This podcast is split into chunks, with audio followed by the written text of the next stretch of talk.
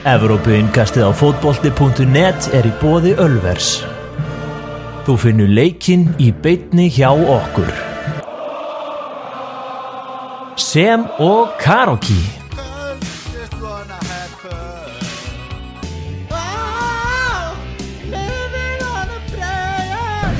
Píla, húl, mjöður, pítsur, hambúrgarar, stemming.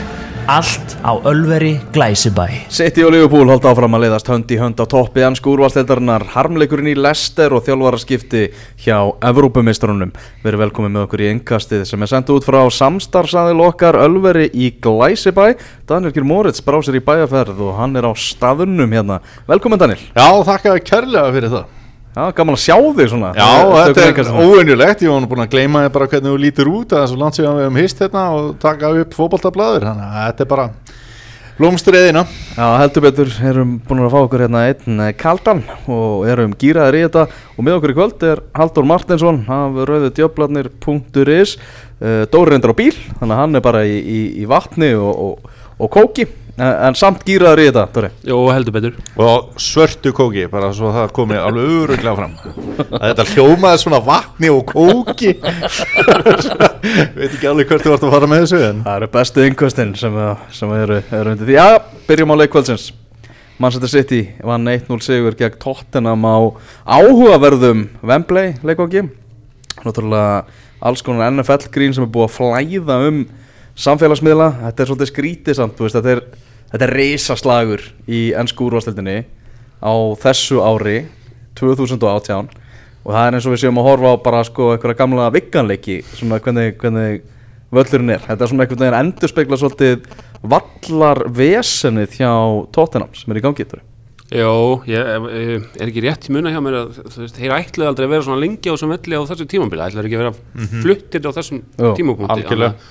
Þetta átti ekki að skara svona á en þetta var alveg hræðilegt að sjá þetta maður svona fekk bara svona tilfinningur um að vera að horfa á bara gam, gamlar upptökur af Match of the Day bara frá sko einhvern tíma 20-30 árum síðan, jafnvel lengra síðan sko Einmitt. Það var eins og ég tjókaði þér alvar í hálfleik hvort við ættum að taka setni hálfleikin á Ölveri eða fara bara í víkina Já, þetta var svolítið svona fósvöðurinn bara í uppáðu tímabils núna sko. Já, náttúrulega þú veist fyrir utan merkingarnar það var náttúrulega völlurinn sjálfur bara náttúrulega hann dónitur sko þú veist og þetta er, þetta er Wembley þetta er bara það sem að englendingar vilja meina að sé bara heimili fótboltans þetta sé bara home og fútból sé bara já bara á Wembley, heimsvísu sko, ekkert bara á Englandi. Já, já, veist, Þannig að að það var svona afleitt að sjá þetta svona. Það var náttúrulega fyndið þegar að komi síðan först leikatri, það þurfti ekkert einhverja grafík sem að segja hvað þetta var að löngu færi, það voru bara hjartalínutnar þarna að gáðu sterklega til kynna hvað var að gerast og svo við hefum nú allir maður að tala aðeins meira um þetta lestermál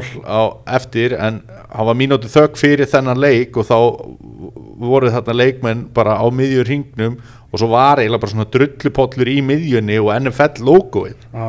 þannig að það var svona frekar sérstakt að sjá svona stóran leik leikin við þessar aðstæður sko. er tala, spurning, hvort það hefði bara mögulega átt að frestunum eitthvað, eða þú veist að því manna það hefði voru alltaf að spila bara í gæri eða ekki, jú, sko. þannig að það er ekki eins og þetta hafi verið bara eitthvað þú veist, 50-dagsleik eða þú veist, hvernig sem þú var. Nei, nei. en bara dagatalið er svo þjætt í þessu dæmi sko. Að það er bara mjög erfitt einhvern veginn að fresta leikjum sko. Sérstaklega hjá þessum liðin líka? Já, það liðin er í, er í Evrópu, tóttunum reyndir að á leiðinni þar út. En uh, Ríad Mares með eina marki í leiknum kom strax á sjöttu mínútu. Kannski við hæfi svona í, eftir, eftir þessa helgi að, að Sigur markið hafi komið frá manni sem var líkil maður í englandsmeistaraliði Lester hann fagnaði náttúrulega með því að benda til heimins og horfa Já. til heimins og, og það föttuðu allir af hverju það var gert og þetta var greinilega svona eitthvað sem hann langaði til að gera og geta svona tekið þátt með gömlu félagunum með þessum hætti.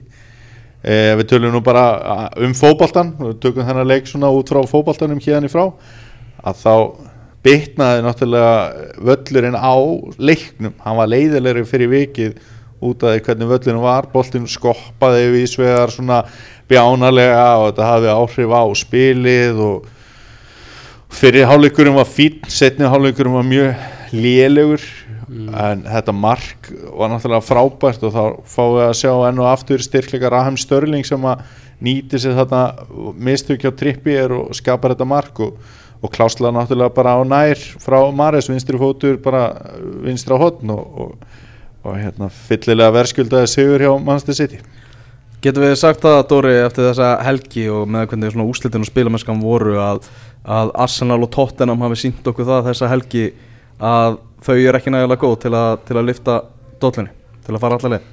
Já, ég hugsa það, ég held að þú veist, já, miða við hinliðin þessi, þessi tvö sem eru st- svona mm. Chelsea kannski með þeim en, en svona þessi tvö helstu sem að eru í umræðinni og, og manni finnst líklega svona í upphafi tímabils þá, þá held ég að vanti alveg upp á og enda líka eins og kannski þá sérstaklega með Arsenal með nýjan stjóra og nýja bara svona nýjan stíl og bara þú veist þá einhvern veginn eru þeir eiginlega á tölvöld betri staðilur en allan en ég bjóst við sko þannig að ég held að þeir kannski þú veist verður sé ekkert eitthvað brjálaslega óvænt þannig en, en hérna tóttina kannski svona eftir sumarið að kaupa engan inn þá, ég meina, ég veit ekki hvort þeir gætu eitthvað verið að byggja um endilega meira en, en jú, ég hugsa að þeir ég held að þetta hafi verið svona að þeir síndu þá uh, svona veikleikana sem kannski komið í veg fyrir að þeir verði þannig alveg í barátunni Tottenham voru samt ekki einhver algjörði farþegar í þessum leik. Nei, þeir voru að fá sín færi og, og hérna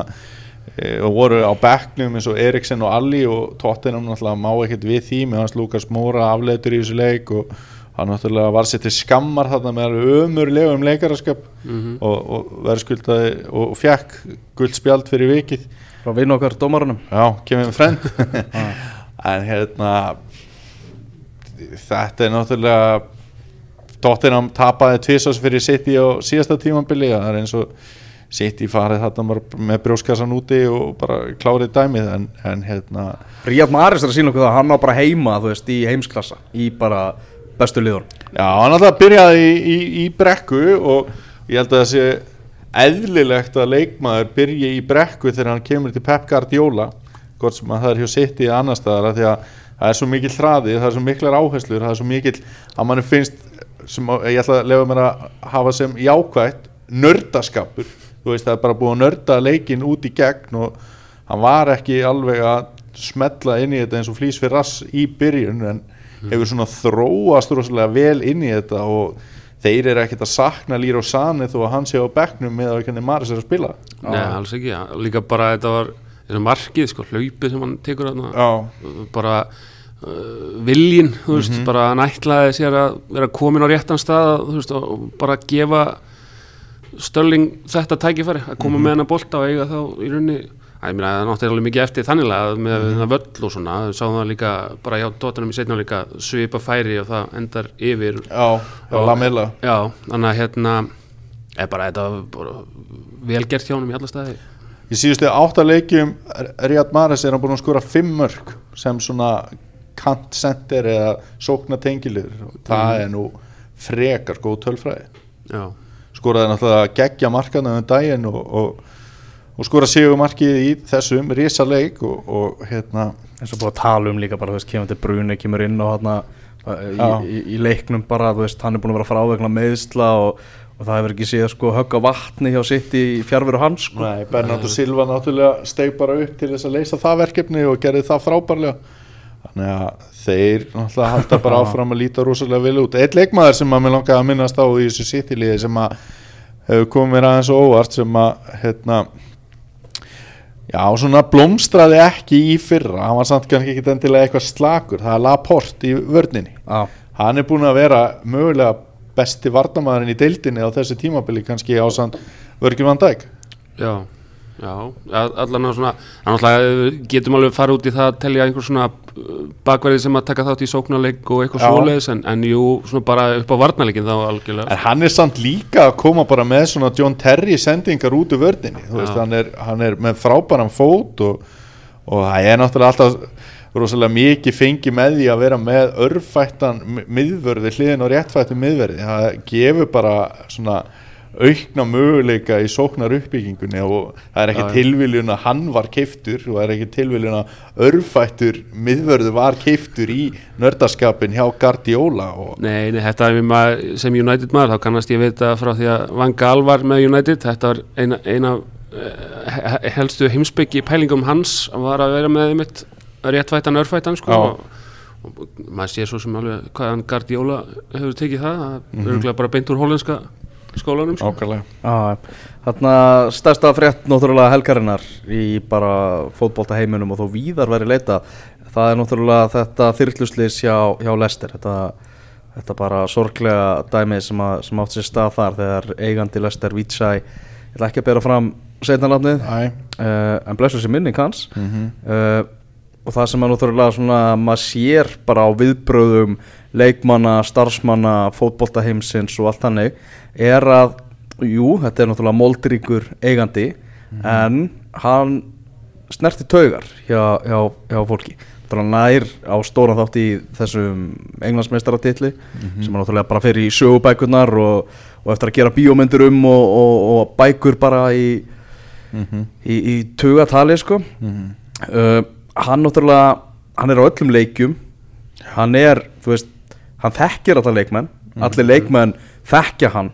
Þetta er svona gauður sem að greinilega elskar fótbolta. Hann er ekki bara í þessu í einhverju svona viðskipta hugfræði og eitthvað þannig. Hann er bara, þetta er bara algjör það var, algjör fótbolta unnandi. Og hann og það er alveg bara ríkalega sorglegt dæmi frá, frá uppáði til landa Já og það er náttúrulega eins og fréttir hafa verið um svona örvæntinguna sem grýpur um sig fyrir utan völlin hérna í fyrradag og eins og það voru eitthvað fréttir um að Kasper Smækil hafi hlaupið að þyrlunni þú veist bara já, já. þú veist, og, þú veist, hann gæti náttúrulega ekkert gert en var bara svona viljinn til að reyna að gera eitthvað og bara geðsræningin sem að grípur allt og alla og, og, og hérna leikmenn voru þú veist, Harry Maguire var þarna líka setti mynd sem hann virtist taka sjálfur að síma sinn þar sem hann var að hrósa hérna viðbras aðilum í Lester hvað þau voru fljótir á staðinn sko.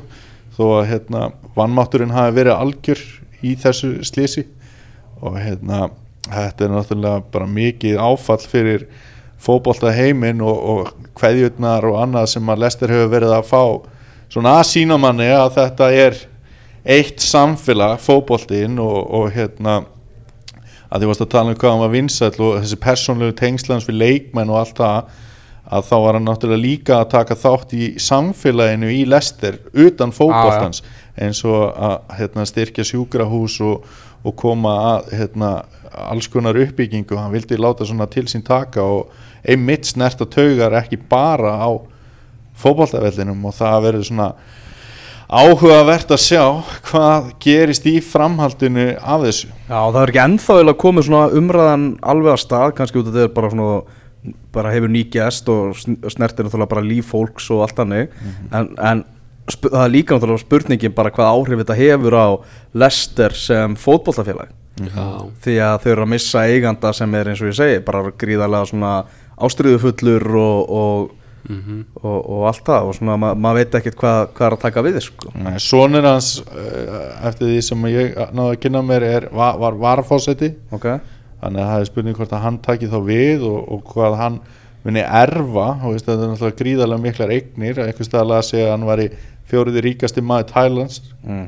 það er nú engin smá auður sem er á baki manni í því sæti á þeim lista og, og ég ætla að koma með smá svona spá varandi þetta. Ég held að það verði svona samantekið ráð hjá fjölskyldinni að vilja hérna, styðja áfram við fótboltan í lestir og ég held að við gætum jafnvel sé lestir svona taka til sín í félagaskiptar glukkum á næsta ári hvort sem það er í janúari eða í sumarklukka og það verður svona haldið áfram að snerta taugar svona í gegnum félagi í borginni. Ég held að, ég get alveg trúið að við ættum eftir að sjá það Já, ég held að svona, svona harmleikir tengjast oft sögu fótboltafélag við vitum alveg, þú veist, við þekkjum alveg sögulega dæmi um það nær og fjær okkur í, í tíma en hérna, þannig að þetta uh, mun alveg öruglega þjappa þe svona þeim sem standa að félaginu saman í Já. að vinna, þú veist, þeir vilja halda lofti þessu, einmitt, að því hann var svo hann hafði svo skýra hugssjón um það að að, að fótboltafélagið Lesti City væri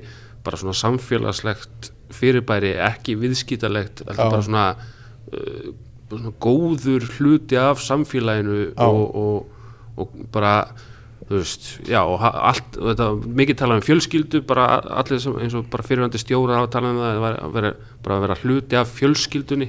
Og það væri svo stert í þessu þannig að þau, þau hafa bæði þau s- sem sagt, fjölskyldan hans sem að uh, hefur þá þarna svona kvartningu til þess að halda því starfi áfram og, og hefur þessa fyrirmynd af því hvernig hann gerir það. Já, þannig að þú veist, þetta er mjög skýrt þannig að en, en auðvitað, ég meina mm, getur ekkert ímynda sér hvað svo erfitt það er fyrir fjölskylduna, kannski vilja ekkert endilega tengja sig í Já, þú veist, já. kannski er það bara of erfitt og maður skilur það alveg hvernig sem já. það fer en en ég held að félagið sjálft muni alveg þú veist, það er náttúrulega heldur bara áfram og, og þetta verður bara stór hluti af sögunni og þetta verður nátengt þessum titli og þetta verður einhvern veginn alltaf uh, minnst á svona hlið við hlið ég held, lagað, sko. ég held nefnilega ef að, ef að þetta döðsfall hefði ekki verið að fá þessi viðbrið hjá leikmunum og öðrum hjá lestir þá væri auðveldar að gera það sem mást að tala um að einhvern veginn svona slíta sig frá þessu bara að það greinilega veist, við vorum að missa þarna pappa, mann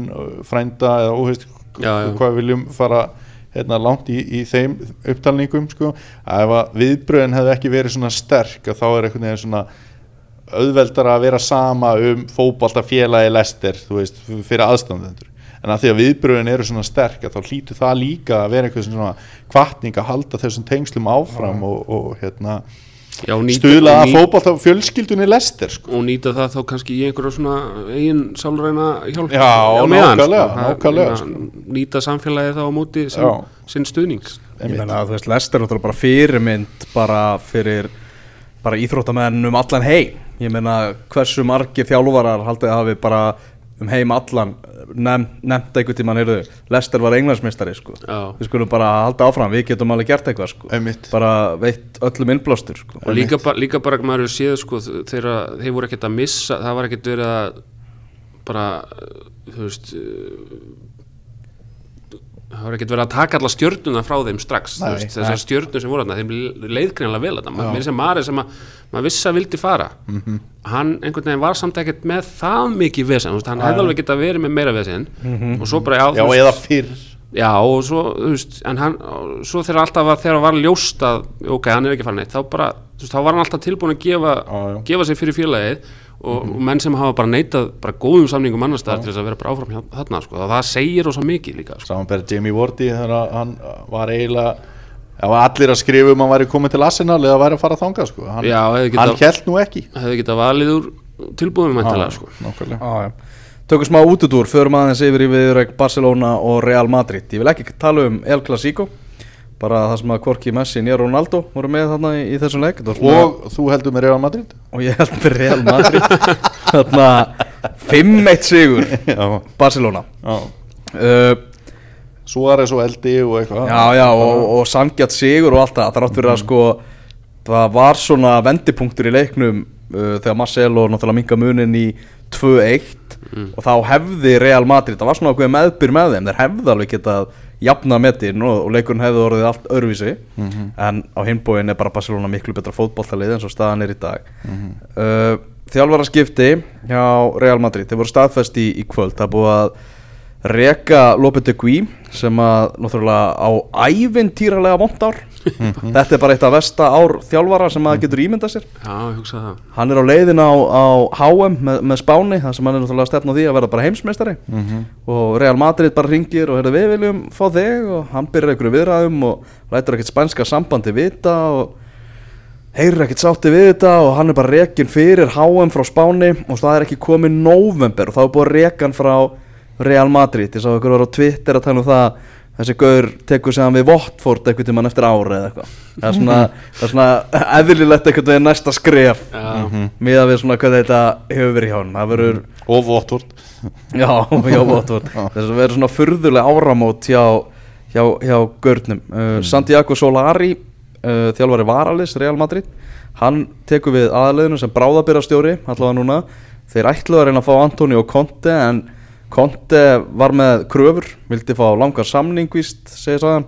Og, og, og vildi bara fá það bara, veist, ég vil fá tíma sagði það, það tekur tíma að laga þetta sem er í gangi. Og, og svona, og það var ekki alveg svona þetta var ekki alveg að ganga viðræðna við, við Conte en Real Madrid taldi bara rétt að allavega losa Lopetegui bara frá frá félaginu. Uh, náttúrulega soldið Peres og, og, og hans menn soldið að, að henda Lopetegui undir rútuna soldið til að bjarga sjálfum sér. Því það er náttúrulega alveg gjössanlega fárálegt þegar missir mann eins og Cristiano Ronaldo með öll þau mörg sem hann er með á bakkinu og, og stóðsendingar og allt hannig og fyllir ekki upp í það með einum sóknarleikmanni. Nei, Nei, og líka, ég meina, það, það, það er sem voru fyrir, sko, það er náttúrulega seldu Murata í fyrra ah, og Bale er svona stundum stundum ekki heill og Benzema er að eldast, þú veist, þetta er bara hvernig þetta dætti myndi í hug, ég bara fatt Já. þetta ekki, sko. þú, þú veist, en sjá bara munum bara, þú veist, Real Madrid er núna í níunda sæti deildarinnar. Já, bara búin að vinna meistaradeildina síðustu, síðustu þrjú ár og áhugavert sem að Ronaldo opnaði sig með viðtali í, við franskan fjölmiðl í, í dag þar sem hann var að tala um það að Peres fórseti væri eiginlega bara stóra ástæða fyrir því að hann væri ekki ennþá í Real Madrid. Já, sagði það að, að, að, að þegar hann talaði við hann þá einhvern veginn hefði hann alltaf svona fundið á tilfinninguna að, að Peres lita á sig sem bara vöru sem bara vara sem að, sem að Real Madrid með. treyju bara og eitthvað Já, svona og- akkurat, er eitthvað markaðsmaskina og eitthvað. Leita aldrei á sig sem fótboltamann og svo fór hann að finna fyrir því í náttúrulega Ronaldo vill fá rósið, vill fá peppið, vill vera bestur í öllu en fann fyrir því að hann var ekki jafn mikilvægur og, og hann hafði áður verið í augum aðstu manna hjá, hjá Real Madrid Já. og þess vegna, og það hefði sannfært sig um það þegar Juventus sagði bara, heyrðu, kvotu til okkar, þú ert aðal gaurinn og okkur langar ógeðslega til að hafa hérna og þú verður út um allt í tórin og á, á öllum auglýsingaplakkutum og allt þannig. Menn þetta er bara svona, ek, það þarf að kýtla ekoið á, hjá Ronaldo. Já, já, en hann líka hefur verið að borga, borga það tilbaka og ég það er, þetta er ekki bara það þessi að missa þennan mann með þessi mörk og stóðsendingar, heldur líka bara þú veist, þú horfir á liði núna og það, þú veist, eins og bara ef þú tekur síðustu þrjú ár, sérstaklega að þá bara sá maður alltaf, sérstaklega þegar hún mættir í Evrópu það var þeir vissi að þeir voru bestir veist, það var bara þetta hugafar sem er, var rosalega mikið út frá Ronaldo, ekki bara en þú veist, hann til. rosa mikið, þessi ári kringum hann að bara, heyrðu, ég, veist, ég er bara bestur Já. það, hann, það er engin efi hjá honum já. og, og leikmennindir í kringum hann trúðu því og trúðu því að þeir væru þá besti líka og það er bara, svo eru bara að missa það og þá, veist, Mhm. þá bara vantar rosa mikið, það vantar miklu meira heldur en bara mörkina sko. Þannig finnst eiginlega að þá sem er eftir með akkurat þetta hugafar og maður segir ekki að efast endilega um hugafar þú veist, Luka Modric eða Toni Kroos eða hverja eru sko, en þá er Ramos er svolítið með þetta hugafar líka. Já, já, en já, hann er náttúrulega miðvörður þú veist, það skiptir minna máli.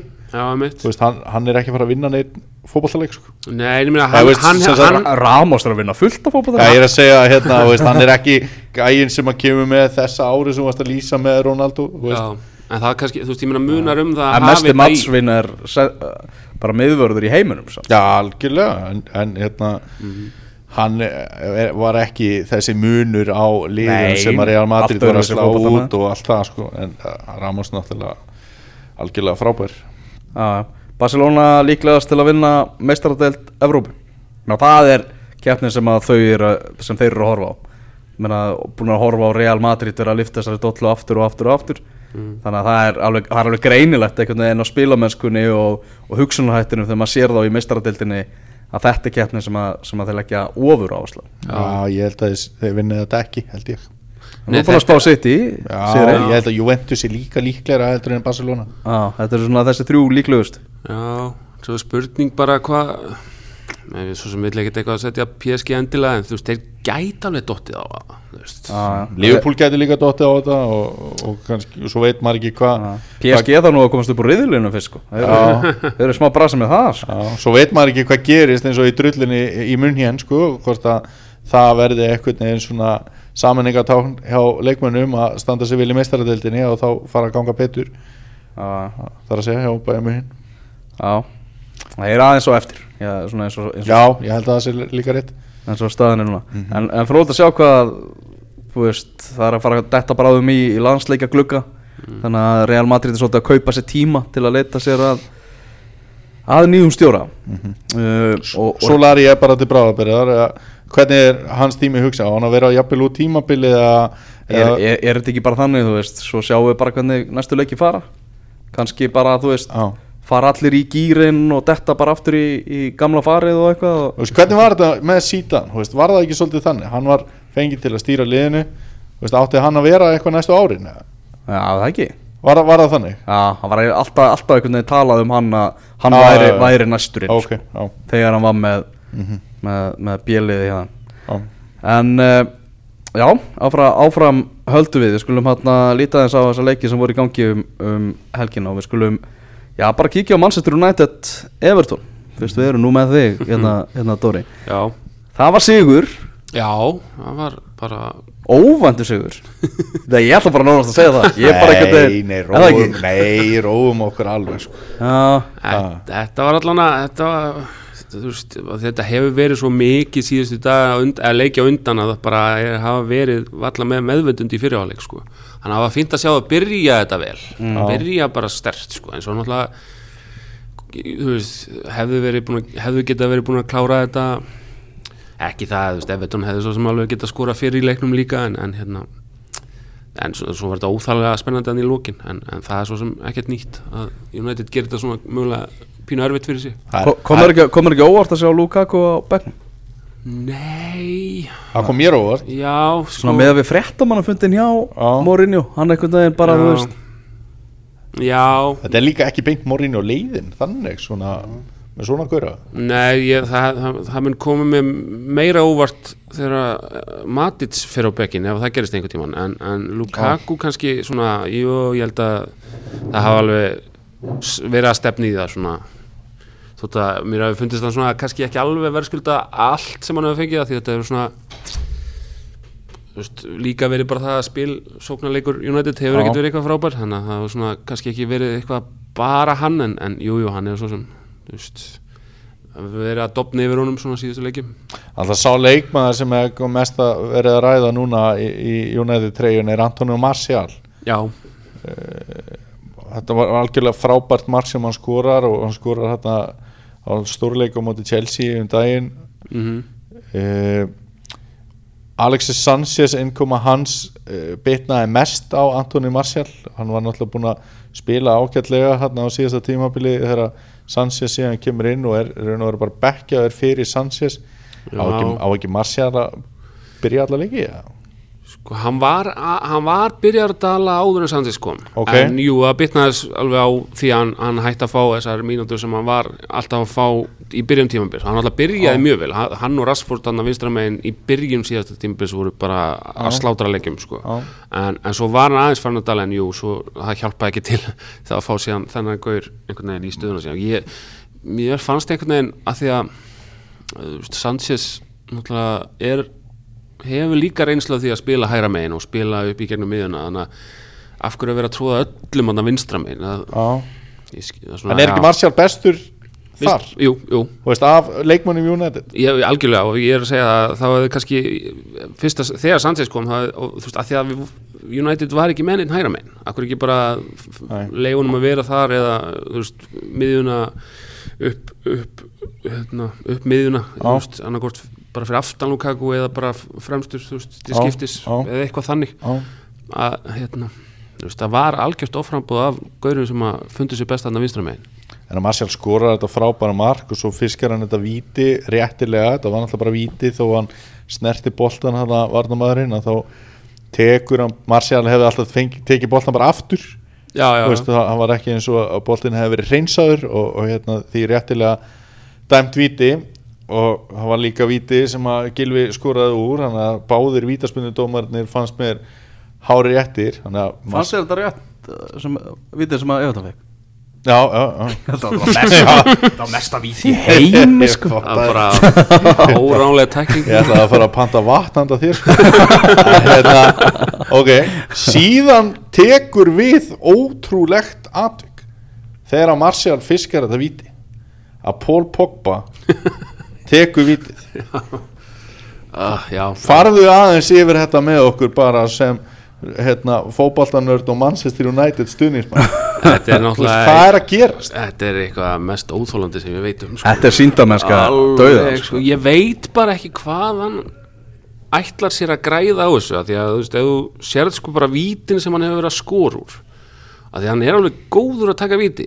Þótt hann hef ekki, ekki skora núna ég meina það kemur fyrir flestar vítaskiptur einhver tíman, það er engin sem að Reyndar ekki Kjartan Henry en það er önnur samt Já, en það segir flestar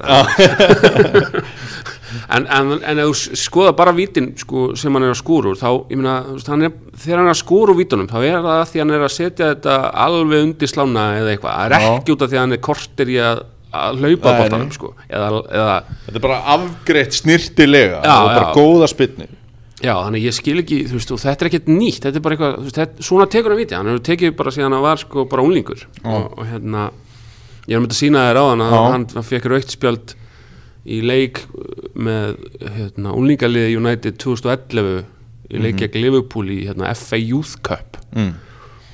þá fekk hann raukt fyrir reyndar sko ekki, ekki tilöpið, hann tók aðeins færri skref en hann stoppaði rétt á hann kom á boltanum markmannur fór á stað og hann setti boltan þá í hitthotnið og fekk setna gula spjaldi fyrir það. Og íþróttamannslega hegðun Já. og ranga framkvæmd og vítaspinni Já. guldspjald og raukt Já, hann var ekkert að læra af því. Nei, hann, svo- hann hætti að hika er, Já, hann ha- hætti að hika en með þetta aðhlaup ég, ég spyr mér þá bara veist, hann tekur þetta aðhlaup og hann er að tefja leikin veist, hvort sem að það sé markmiði því veist, ég ætla alveg að draga, draga það verulega ef að það hefði verið markmiði ég held að markmiði með þessari hljóta að vera að taka markmannin einhvern veginn á taugum og geta þá skora þannig að Pickford er bara góður í að verja víti, hann hefur alveg sínt það. Ákveður ekki að taka þetta bara lengra? Ákveður ef ekki eitthvað bara fjósalið fær víti á móti stórliði? Af því að í reglum st- stendur að þú eigir að, að gera svona raklegt aðhlaup að því að spyrna boltanum. Eða veist hvernig sem það er orð, orðað sko. Þú veist og ekki þetta stopp til dæmis úr komin að boltanum þú veist það er gult spjald. Bara eins og þú varst að lýsa fyrir okkur poppa fjekkanum að táningur. Má þá ekki bara eitthvað fjósalið byrja bara á eigin marklínu og taka þetta til þau bara yfir allan völlin hann er á leiðinu að taka vítið. Mér fannst það bara svo skríti í leiknum í gær að dómarinn hafi ekki flauta á þetta. Já, þegar var búin að vera svona lengi að þessu sprelli aðhlaupi að bara flauta og jafnvel, og veist, ekkit endilega bara dæma ópennu aukaspurni fyrir fíblaskap heldur bara svona, þú verður að taka eðlilega vítaspurni annars er ópennu aukaspurni, bara aðvaran verður svo klaufa, það verður svo kjánalegt að menn er að taka eitthvað svona sprelli aðhlaup og það klikkar sko. Já, Já, ég get- líka þetta var bara svo langur tími. Ég, þú veist, ég get meira sér að skilja því ég, til dæmis sko þegar Ronaldo var hjá United þá þóldi ég ekki að því að hann tók alltaf svona híkskref sem að Já. hann mátti að því að hann var ekki búið með aðhlaupið þú veist hann tók það einhvern veginn þú veist að áttan tvö skref eftir tók einhvern veginn svona Já. þú veist eins og hann var að þykjast detta eða eitthvað. Og ég þóldi það ekki heldur það var alltaf bara eitthvað meira að tröfla hann heldur markmannin en ég get samt skilið það að það ég skil bara ekki hvað Pogba ætlar sér að koma, þú veist, er það bara því að hann þú veist, ef hann er nógu lengi þá stressast markmaðurinn upp, þú veist, ég, Þetta er bara eitthvað svona, þetta er síndamennska Þetta er eitthvað svona trademark, bara eitthvað Pogba tekur vítin svona. Eitthvað svona, já, ég menn það gæti líka bara verið já, já, þetta er bara vörumerki. Já, já. en fær hann að taka næsta víti? Í mögulega, ég veist, Það er Hvað er tvennt- spurning með það er maður. tvennt- það er tvent í þessu Þetta er óþólandi aðhlöp Ég er, ég er nokkuð vissum á morinni og sé ekki ánæða með þetta aðhlöp með hann samt hrósa hann fyrir hugrekkið að vilja taka vítið þótt hann sé búin að klúra eða eitthvað svona svoleiðis. En svo er, hann hitt, svo er hitt að hann klúrar víta spyrninni þó hann skori, Já, já. Veist, vítið var allavega það eða víta spyrnan sjálf var allavega það góð að hann gati ekki annað en skora síðan úr frákastinu. Þannig að en, þú veist, á hann að taka víti hjá Júnat sko ég bara, mér finnst ekkit öskra ég sko, jú, kannski myndi ég frekar vilja sjá bara Martial taka, af því hann, er, hann er í stuði þessa dagana, Já. kannski frekar þú veist, ég myndi ekki vilja sjá Lukaku eða Já, Sanchez tók hann að vítið þegar hann skoraði fyrsta markið sitt og hann klúraði því, tók frákastið já, þannig að hann er ekki líklega Nei. heldur. Við vitum allavega að Gilva á að taka vítin fyrir Everton. Já, þetta, þetta var alveg frábært víti og, og hann náttúrulega, já bara Steven Gerrard sem hefur skorað fleiri útivallamörk á Old Trafford heldur en, heldur en Gilvi og gaman er með þetta við vorum að horfa á leikinu með til dæmis áðan að sjá svona þegar kom allt inn með David Silva með sköpu færi þá var hann að komast upp fyrir Gilva þá kom það á, Já, já. á, á skjáin og, og allt hann sko.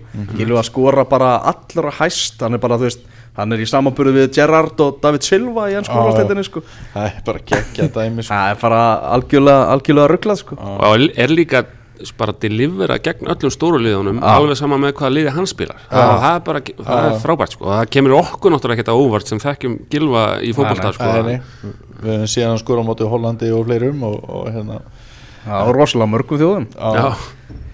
Þannig að þetta er, hérna, hver er besti miðvörður Manchester United? Sorry. uh, uh, sko þú veist Nei, þú, þetta er- þú, þú veist það ekki. Þetta, er sko, Það verður Milan Skriniar eftir, eftir, Það er bara gaur sem að United á að kaupa það og bara sko Já, b- já, já, strax bara- í gær sko Það var Milan einmitt- Skriniar í, í Inter. Já, Æ, það, það, það er samt ekkert flóki svar við þessari spurningu, það er Viktor Lindelöf hann er samt Nei, sko maður Jú, býður hann er búin að vera besti miður í United á þessu tímabili. Á- Nei, Smáling er búin að vera heilt yfir bestur og sem er glatað því hann er ekki það góður Lindelöf var bestur Já, hann, hann er búin að eiga svona núna- þrjáleiki Já, hann er virkilega að koma Já, en hann er ekki búin að vera góður allt tímabili sko. Nei, en það, það er engin miður í United og Nei, nei, það er góður nei, tímabili það er það sem ég að segja. Það er bara að vera bestur í United.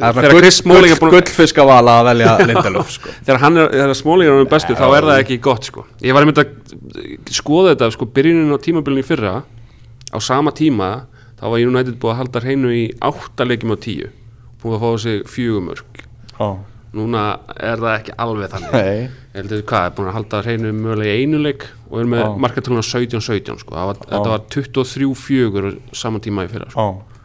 Þannig að þetta er bara ótrúlegt hvað Er- er muna miklu sko. Er að skipta einhverju máli fyrir United vörnina þú veist, Er David De Gea eitthvað að sína öðru sér leik heldur en við höfum séð hjá hann í síðustu ár? Veist, hann kemur náttúrulega úr ömurlegu heimsmeistar á móti þar sem var svona grínast með að hann hafði ekki varið skot.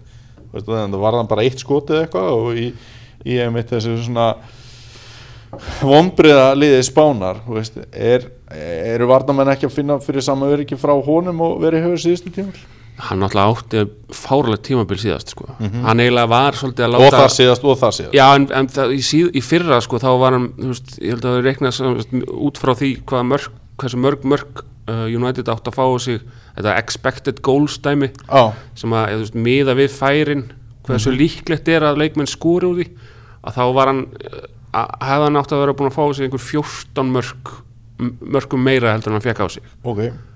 Sem sem var bara, þú veist langt fyrir ofan næsta markmann þú veist, Já. flestir eru kannski bara það er gott eða bara með einhver mörk í plús þú veist, Já, það er bara, en hann var sérst, 13 eða 14 mörk hana, sem hann var bara að bjarga liðinu þú veist, bara eins og leikurinn úti gegn Arsenal sem að bara, Mhm. hann á þau þrjú stík þótt að leikurinn hafa endað 3-1 sko. Mhm. þannig að hérna veist, hann, hann, hann er ekkert búin að vera lélegur til dæmis núna á þessu Nei. en hann er ekki búin að vera kannski að eiga þessar þessar fáralegu vörslu sem hann kannski var átti bara stöðut síðast.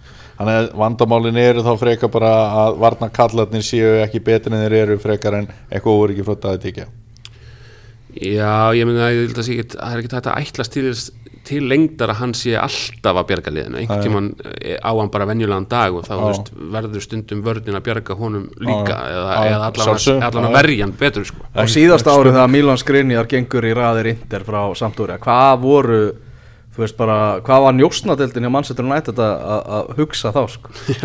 Bara þetta, er- þetta er svo mikið svona vítitsgaur sko. Alveg, já Ég ætla að hætta að pyrra mig á því.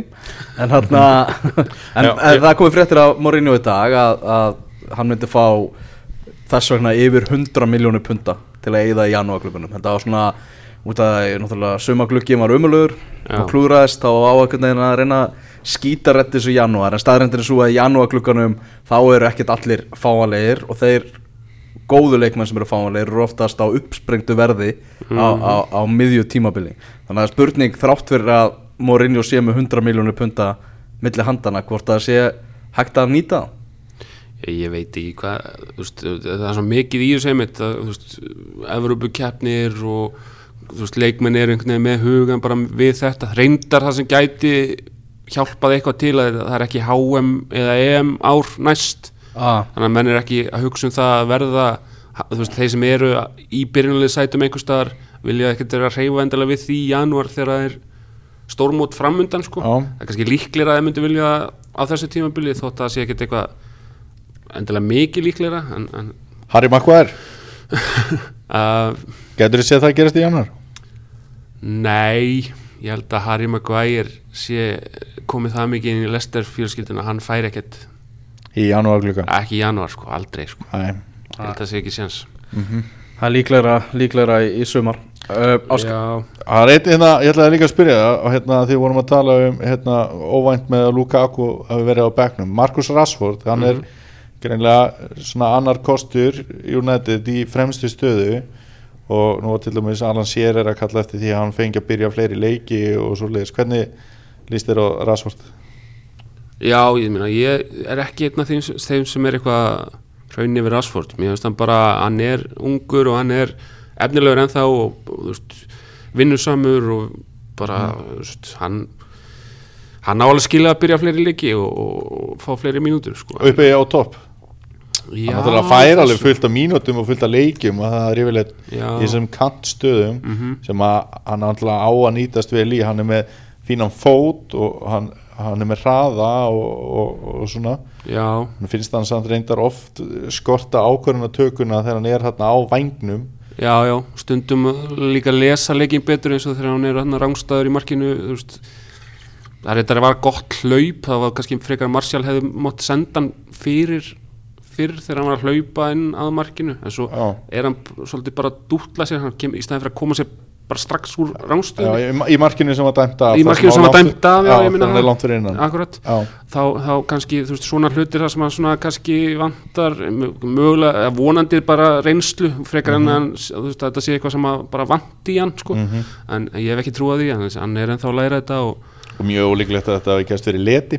Já, nei, nei, sko. akkurat, akkurat, þetta er svona kannski frekar að, að svona einmitt að hérna svona hugsa um þessa hluti í leiknum og, og, og svona læra af því. En ég, ég, sko, ég myndi samt frekar ef það er einhver sem að ég myndi vilja sjá fremstan svona allavega prófa það, þá væri það Sanchez. Já, en þá væri hægt að hafa það þá þrjá sko fremsta og þá myndi þeir geta vikslað, Já. þá myndi Rashford alltaf fá einhver, einhver tíma sem fremsti maður og sama með Martial hafa náttúrulega oft verið kallað eftir því að hann fáið þennan séns fremstur og já, já, já, er svona og og hann náttúrulega oft verið líkt við Thierry Henry og við erum að sjá þessi innanfótar skot hans núna og saman með Henry gera þetta skriljón sinnum og svona, reyndar ekki alveg svona fast.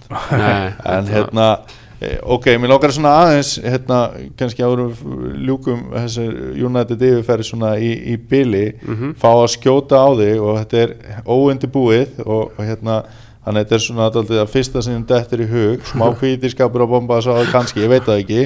Ok. Byrjunarlið Manchester United. Komum með það, besta byrjunarlið. Besta byrjunliði núna? Já, bara, Og- bara eittur og bingo. Um, ok, það er náttúrulega David De Gea í markinu, byrja bara á Já. umveldasta valinu. Mhm. og svo er hérna vörnin Er Luke Shaw er orðin auðvöldasti maðurinn að velja í vörnina núna sem að er eitthvað sem að ég bjóst alls ekki við í fyrra. Ég var eiginlega búin að bara svona farin að sætta mig við það þótt mér fannst að leða þetta hann, hann ætti kannski ekki framtíð hjá United svo Nei. bara ákvaðan að, að, að sanna það að hann ætti þannig bara vist og hann á þetta þessa vinstri bakvarastuð alveg. Já, hæri bakur. Það er svolítið meira trekki sko. Ég, ég myndi bara gefa nýja stráknum Daló, já, Diogo Dalot. Ok. Bara hann einhvern veginn hefur heillað mig. Auðvitað er á hann eftir að sína og sanna meira en, en það er ekki svo Valen, Valencia er eiginlega hann er ekki verið góður Nei. og, og Young er svona veist, hann er engin byrjunalýsleikmaður á, ætti ekki að vera. Er, fíla aldurinn að færast yfir þess að tóka öðra maður. Já. Herðu, miður já, þá er það auðvelda, þá er það auðvelda það er miðvaraparið. Já, um, ég þykist við að þú veljið smóling Smáling og nei, sko ég, Er það ekki, Nei, ég, ég, ég, ég, er engin smáling maður sko. Nei. ég bara, þú veist, þessna hann er samt búin að vera bestur í, í svo, þæla segir rosalega mikið, sko. En ég myndi velja Lindelöf og Erik Bæ. Og Erik Bæ? Já, ok, og ég, ég er samt ekkert samfæður um Bæ, sko, hann á það til að vera svolítið hauslega, sko, en, algjörlega. Það eru skástu kostinir ok, Lindelöf og Bæ svo erum við að spila fjóra þrjá þrjá United hefur svona mest verið í því. Já, og þá erum við með Matits og, og Pogba og auðvitað ástæðum á miðinni og hver er með þeim og hver eru þrýr fremstur ég myndi segja sko fremst þá myndi ég setja Martial ég myndi setja Lukaku. Mhm. þótt hann sé í lægð þá bara þú veist, myndi ég setja hann. Ég Mhm. myndi setja hægra megin þá myndi ég setja Sanchez. Og Jesse, Jesse Lingard fyrir hann að miður og hann með þeim? Mm, hann náttúrulega það, hann stóð sér ákveðlega í svoleið stöðu með Englandi sko. En þar er einmitt svona, ég, veist, ég er ekki með neitt kost, þannig að Lingard Just- gæti fara ángað. Fred hefur ekki verið að sína eitthvað alveg nógu mikið, hann, mér, hann hefur samt fundist svona miðjan reymanlegri með hann inn hann á var þólanlegur í leiknum mot Evertón Já, já, og hérna Pereira, Andrés Pereira átti fína sprett í byrjun Mhm. tímambils um, ok, Ok, það er bara opið, opið svæði. Það er þetta að vinna svolítið opið, já. sig Fyrst við erum byrjar að þjarma þér Dóri, þarna þú ert náttúrulega, já, innvinklaðurinn á rauðudjöflandi.is í nánu, nánu tengslum við svona Manchester United samfélagið á, á Íslandi þá þeir sem eru hvað, hvað heitastir uh, Hvernig, svona ef þú ættir að, að setja bara skoðanakönnun upp í hausnum að þér Já. Hvernig er með stuðningsmenn Manchester United á Íslandi og Jose Mourinho? Hversu margir eru áfram Mourinho og hversu margir eru út með hann?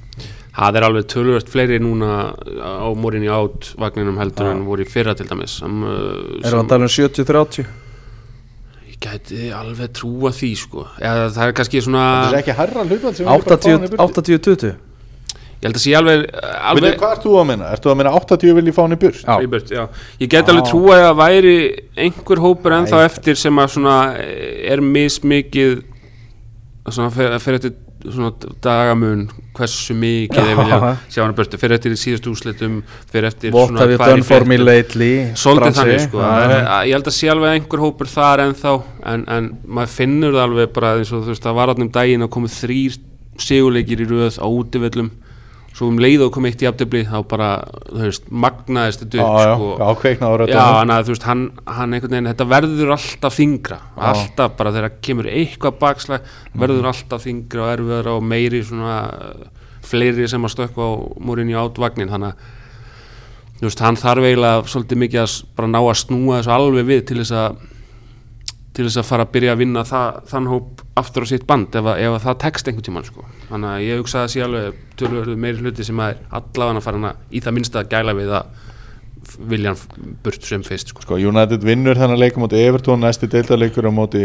Bournemouth á útivelli Bournemouth náttúrulega eitt heitasta liði í deildinni við kannski tökum það bara elvar þegar við erum búin með þennan leik en svo er bara þessi City United leikur þar og eftir mm Æ, á hérna, heimaðalli Manchester City. Já, þannig að mögulega verður þessi eh, hvað við segja reyna United bara tvei leikir. Já, það er líka, þá er komin 12 leikir á tímabili og það er áhugaverð staðreind um Mourinho á Englandi að, að liðið hans hefur alltaf endað í sama sæti og var eftir 12 umferðir þegar hann hefur klárað tímabil með liðið. Já ok. Það er bara, Ah. það er bara alltaf, það er bara, við getum, við getum bara að googla þetta, þetta er, sé þetta er geggju stöðurinn maður. Og oftast hefur það verið, eða ekki oftast kannski núna, en, en það hefur, þú veist, eins og þegar hann var með Chelsea, þá var það yfirleitt það bara sild upp í fyrsta sætið og held í bara, Já. en, en þetta er eins og United tímabilin, hann var í sjötta sæti eftir 12 umferðir fyrra tímabilið og, og öðru sætinu núna í fyrra, þannig að þetta bara, þannig að eftir City-leikin, sæti sem að United verður í þá, Já, það var bara hægt að staðfesta United í því sæti. Já nema að verið reikin, það er náttúrulega gæti Já, breytingur.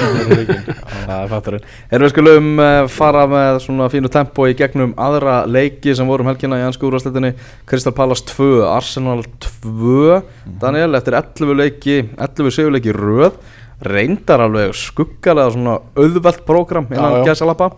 En þessi leikur áttu náttúrulega líka að vera Já. móti, uh, móti Crystal Palace á Selhurst Park þar sem þeir höfðu ekki skora mark á tímabilinu. Já, og voru búin að tapa þremuleikjum í röð þegar koma þessu. Uh, Arsenal voru ekki í gýrnum í þessum leik. Mesut Özil fekk þvílitt lof fyrir leikina á móti Leicester.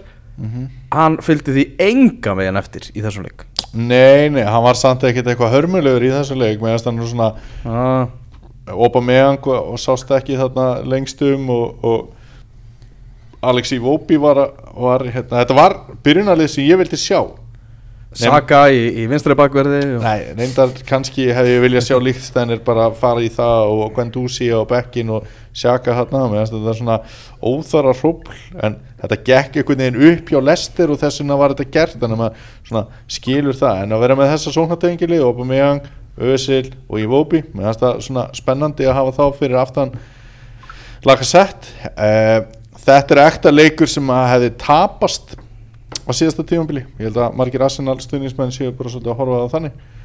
Og hérna tve, tvö víti og bá, báðu dómarnir hár réttir.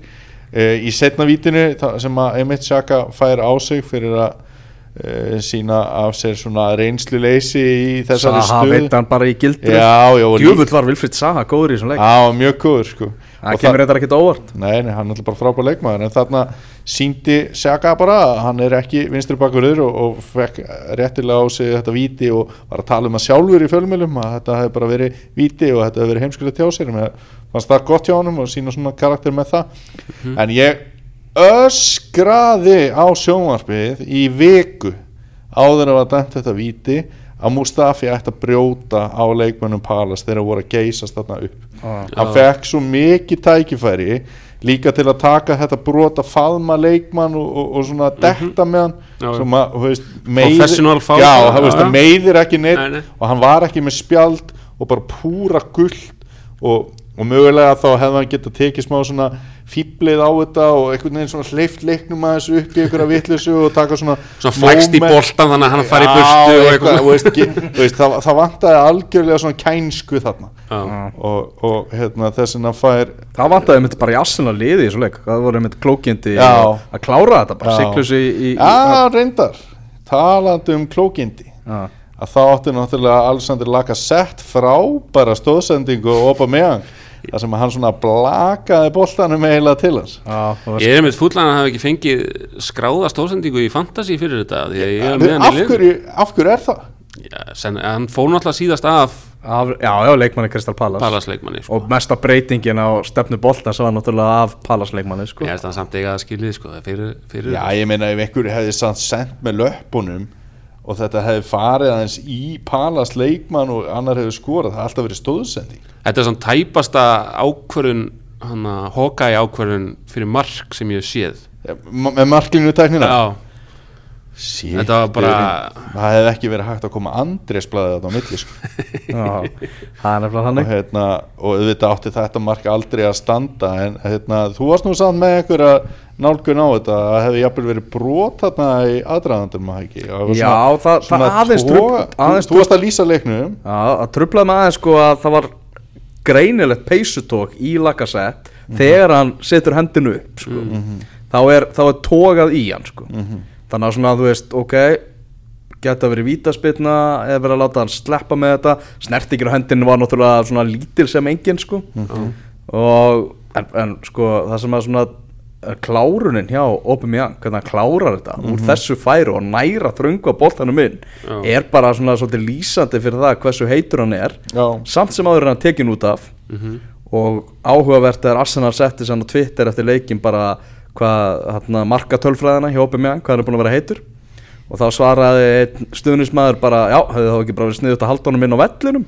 Og leiðunum að skora fleiri? Já, leiði honum að skora fleiri. Það er líka ekki eins og Arsenal hafi verið með einhver, einhverja, einhverja varna sína leikmenn til þess að setja hann inn í staðin Nei, var, var ekki Ramsey einhver sem kom inn? Já, hann kom inn nú. Já, og þú veist, Aubameyang bara ítt á retweet. Bara á Twitter. Ánað með hvað mennur eru duglegir að svona læka og retweeta á þess að, á þess að vera eitthvað ómikið að gefa, mér, mér fannst það bara allt í lagi hjá honum fannst Una Emery, Daniel, Já. á skálunum 1-10 Já. hvað fær hann fyrir þennan er ég, hann er náttúrulega var valinn hérna hjá okkur í útastættunum um helgina bara þjálfari fyrsta fjórðungstildarinnar en fyrir þennan einstakaleg á Þrjá. hann fær hann þrjá Já, hann bara kólfellur já Við raun og veru, þó að maður hefði verið svona spenntu fyrir að sjá Ívópi hérna byrja hann að leik en þá var þetta svona leikur sem Arsenal var ekki að fara að vinna á skyndisóknum Nei. og heldur frekar hnóði Mhm. og þá virkar leikmaður eins og Aron Ramsey betur heldur en Já, og uh, og voru mistök að vera með Sjaka í, í, í vinstri bakari Mhm. Veist, hann hefði frekar átt að vera með e, líktstænir í öfum bakari eða Bellerín í öfum bakveri svo náttúrulega meiðis Bellerín og, en hérna, það er, við kemur ekki uppleggi leiksins. Nei. og svo voru bara skiptingarna sem hann gerir þær voru bara óþarfar og lélegar. Veist, það var óþarfi að taka Özil út af, það var óþarfi að taka Aubameyang út af og, og hérna e, þetta, já, hann fær þrjá í einhvern, hann fjall á prófinu í þessum leik. Um, hafandi samt sagt það þá er þetta ekkit eitthvað Já, Þú veist, það er allt í lægi þetta er- þetta er ömulega úslit ef að liðið er að hugsa um, heyrðu, kannski getum við bara tekið titilinn.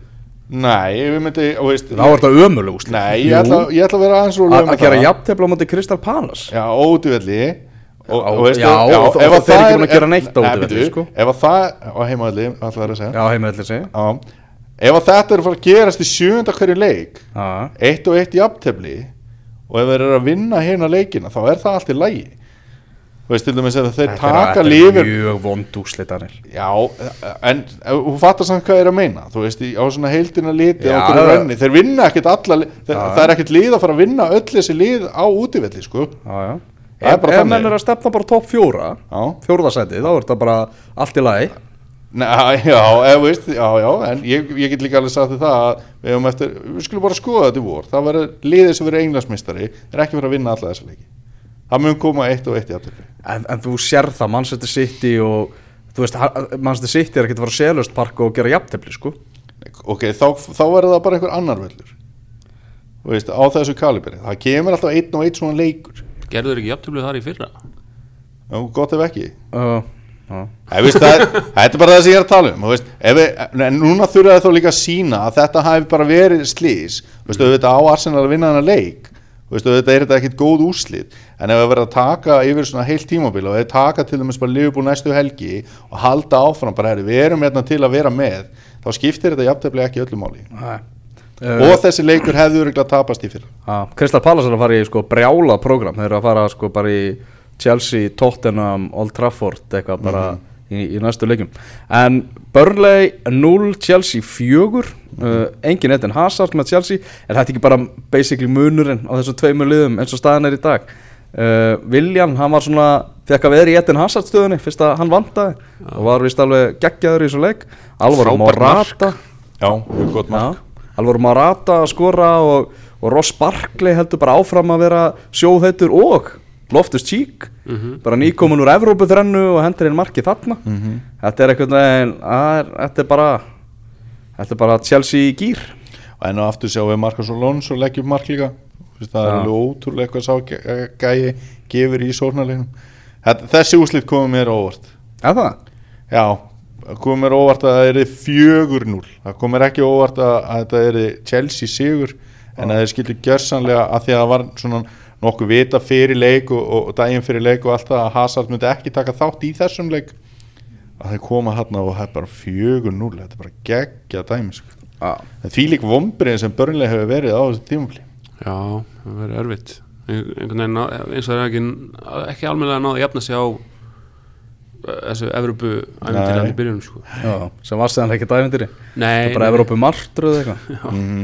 uh, Leicester Vestham endaði með 1-1 jáltefli Watford með 3-0 sigur á móti umurlu liði Höttersvilt er ekki hægt að henda því bara í championship dildina bara? Við erum búinir að því verið löng Nei, þú veist það verið að tala um bara fyrir næstu umferð. Bara fá eitthvað annað lið þarna í þess að deild. Okkar skemmtilegt Já. lið bara á Champions League Já, Ég vil bara fá það strax niður sko. Já. viksla þeim og lýts bara og sjá hvað gerist. Já, hvernig væri það? Það? var ekki aðveg gaman. Já, Það var auðvitað meiri stemning í því. Já, það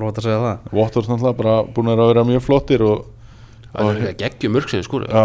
Virkilega flott mörg sko. já, reyndar var náttúrulega marki sem að Pereira gerði þarna. Þú veist, hann, hann lappaði eiginlega bara frá miðju í gegnum miðja vördinni á höttisvið það var svo lélegt og myndir ekki sjá þetta í lautinni sko. Newcastle og Southampton gerðu ekki óvænt markalust jáltefli Newcastle með sjömörk skoruð í tíu leikjum og Southampton 5 Þetta var ekki alveg að bjóða upp á ávísun á, á skemmtun uh, Liverpool með fjöguröld sigur á móti Cardiff City. Já, og þar er bara Mo Salah hann er bara hlæjandi allarleiði í bankan já, já, hann er bara eh, bara búin að vera frábæri í síðustu leikjum og hérna fór hægt að staða þessu tímambili og, og, og það eh, framkallaði þórðar gleði hjá mörgum sem að eru steinhættir að hlæja. Já, er það ekki bara þannig? Já, já, það, hafa, það, hafa- það hafa þá verið einhverjir sem voru með hérna, hvað segir maður, stutt minni Þegar, hérna, hann byrjaði svolítið hægt síðasta tíma líka sko. Einmitt. og Sadio Mane náttúrulega heldur áfram að vera geggjaður og, og svo hérna var nú atvik hérna þegar e, Cardiff skorar, þú fæst nú aðsenda grein í dag Elvar sem þú byrtir á fótbolti.net þarna með, Já, endilega kíkja á það. með markið þar sem að e, mark Cardiff, það var raukstuð af hverju það var löglegt. Já, eh, endilega kíkja á það á .net. Serdan Shakiri Þvíli kaup. Þeir eru að fá allt út úr þeim kaupum sem þeir gátu óska sér. Þvíli kaup. Veist, þetta er gæði sem er ekki að gera neitt tilkall í að vera í byrjunarliðs stöðunum í þessum fremstu þremur. Núna er hann hefur verið að koma hann aðeins líka aftar. Lalana hefur verið vombriði Veist, þetta er bara, það er allt að ganga upp í þessum kaupum Þetta eru sturlu góð kaup og kostaði ekki mikið. Nei, Nei, fálega lítið. Já, og er bara þú veist, strax orðin svona líkil skotplayer má auðvitað að segja sko. já, sem eru er nöðsilegir fyrir lið sem ætla að gera eitthvað að Já, viti sko. þetta er bara þetta voru bara frábær kaup og akkurat hérna, það, sem að hérna, Liverpool þurfti að gera. Já, þannig að Liverpool og uh, Manchester City með 26 stig. Uh, Fulham tapar fyrir Bournemouth 0-3 þetta er ekki alveg það sem að eigandi vill sjá þegar hann er búin að taka stuðningsyfirlýsingu á stjóran eins og uh, eigandi Fulham gerði? Nei, þá, þú veist, náttúrulega varnarleikurinn hjá, hjá Fulham, þetta er bara þetta er ógeðslegt að horfa á þetta. Já og svo líka náttúrulega að fá Bornmáð sem er ekki besta fótballtalegi heimi þó að þeir séu að spila vel um þessa mundir og get ekki sett eins og eitt mark á heimavelli á mótið þeim með jafngóðan framherri á Alexander Mitrovic og eru þetta með Sjúrle og, og, og eitthvað veist, þetta er, það er mikil deyfð yfir þessu mm. en á skalanum eittir tíudóri mm. hversu mikið væri þú til að sjá Callum Wilson í næsta landslýshóp Englands? ég held að nætti það bara mjög skilið sko. 1-10? um, bara nýju bara. Já, bara nýju já, já, bara endilega sjá hann Hann er Níu búin að í vera landsliðinu. algjörlega setja hann í númer nýju Já, akkurát uh, Já, og líka bara, veist, einmitt, ég hef ekki giska á það fyrir leikin svona sem er að koma upp næstu helgi að þetta ætti eftir að vera svona, þetta svona áhugaverður leikur. Já, Bournemouth United Já, Já. Þetta, maður, veist, þeir eru bara miklu heldur en United Þetta er bara svona uh, slagur um að komast í Europa League Já. Já, ég veit, ég veit ekki, eh, ekki vissum að ég vilji vinna á þann slag. Nei, það eru búin að vera virkilega flottir Já, Brighton með 1-0 sigur og fyrst vorum að tala um ömulega vartaleg þá er hins vegar bara mjög massífu vartalegur Brighton að, að færa þeim slatta af stigum Já, og þegar þeir fá á sig mörk þá fá á sig fullt af mörkum þannig að, þú veist, ef að fólk er að skoða töfluna og, þú veist, þá er eh, eins og varnarleikur Brighton sé ekki frábær Mhm. en ef það er verið að skoða síðan leikina á baki, þú veist, þá er hann betri. Heldur en endilega tablan uh, sýnir sko. Ætli, ætli er gerið þannig sko, eða sjá fyrir sér já, þessi leikur er tapar þá bara afskrifa er hann. Já, já og er ekkert að eða ómikill orku bara tökum bara næsta leik og hérna, byrjum aftur að halda hreinu þar. Herri, það gerðist náttúrulega um helgina Harry Arter. Veist, hann sá frá, fram á að vera í leikbanni í mikilvægum leik eftir þessan, þennan Liverpool-leik þannig að hann var bara kvíldur út að hann getur farið í leikbann þetta er algjörlega grilla sko. en hver skoraði marki hjá Brighton? Í þessum leik, Ah, hver var það? Glenn Murray Glenn Já, Murray já, auðvitað var að glemma múrarinn í Brighton sko. Já, hann er að múra einn mörgunum. Líkur kongur Já, fyrir aðdáðandur ennsku úrvarstildarinnar þá erður gómsættur laugadagur því það verður hægt að horfa á ennska boltan bara frá því þú vaknar og þar til þú sofnar. Mm Mhm. uh, Bournemouth Manchester United er, er hátæðisleikurinn og það er komið ný klukka. Já, Já, hann er 12.30 byrjar, byrjar hátæðisleikurinn svo koma þarna eh, leikinnir klukkan 3 svo er 17.30 þá er Arsenal Liverpool heldur betur ágættis leikur þar og svo 19.45 á lögataskvöld þá er Wolves Tottenham.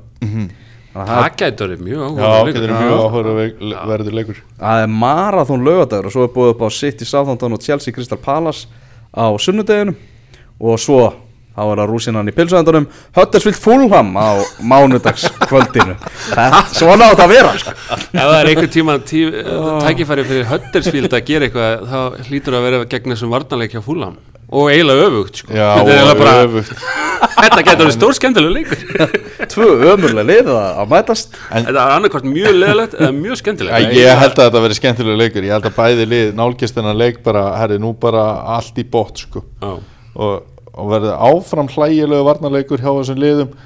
Og hérna við getum alveg sé Alessandr Mítrovic bara skora þrennu og mói og alltaf þess að gæja bara líka sko. Þannig á þetta að vera sko. Það Ég verður segi- handbólta leikur á mánundarskvöldi í einskúrastildinni Ég segi að við tökum jafnvel einnkasti bara sunnudeginu Herru, bara takk hjá fyrir kvöldistrákar Sumleis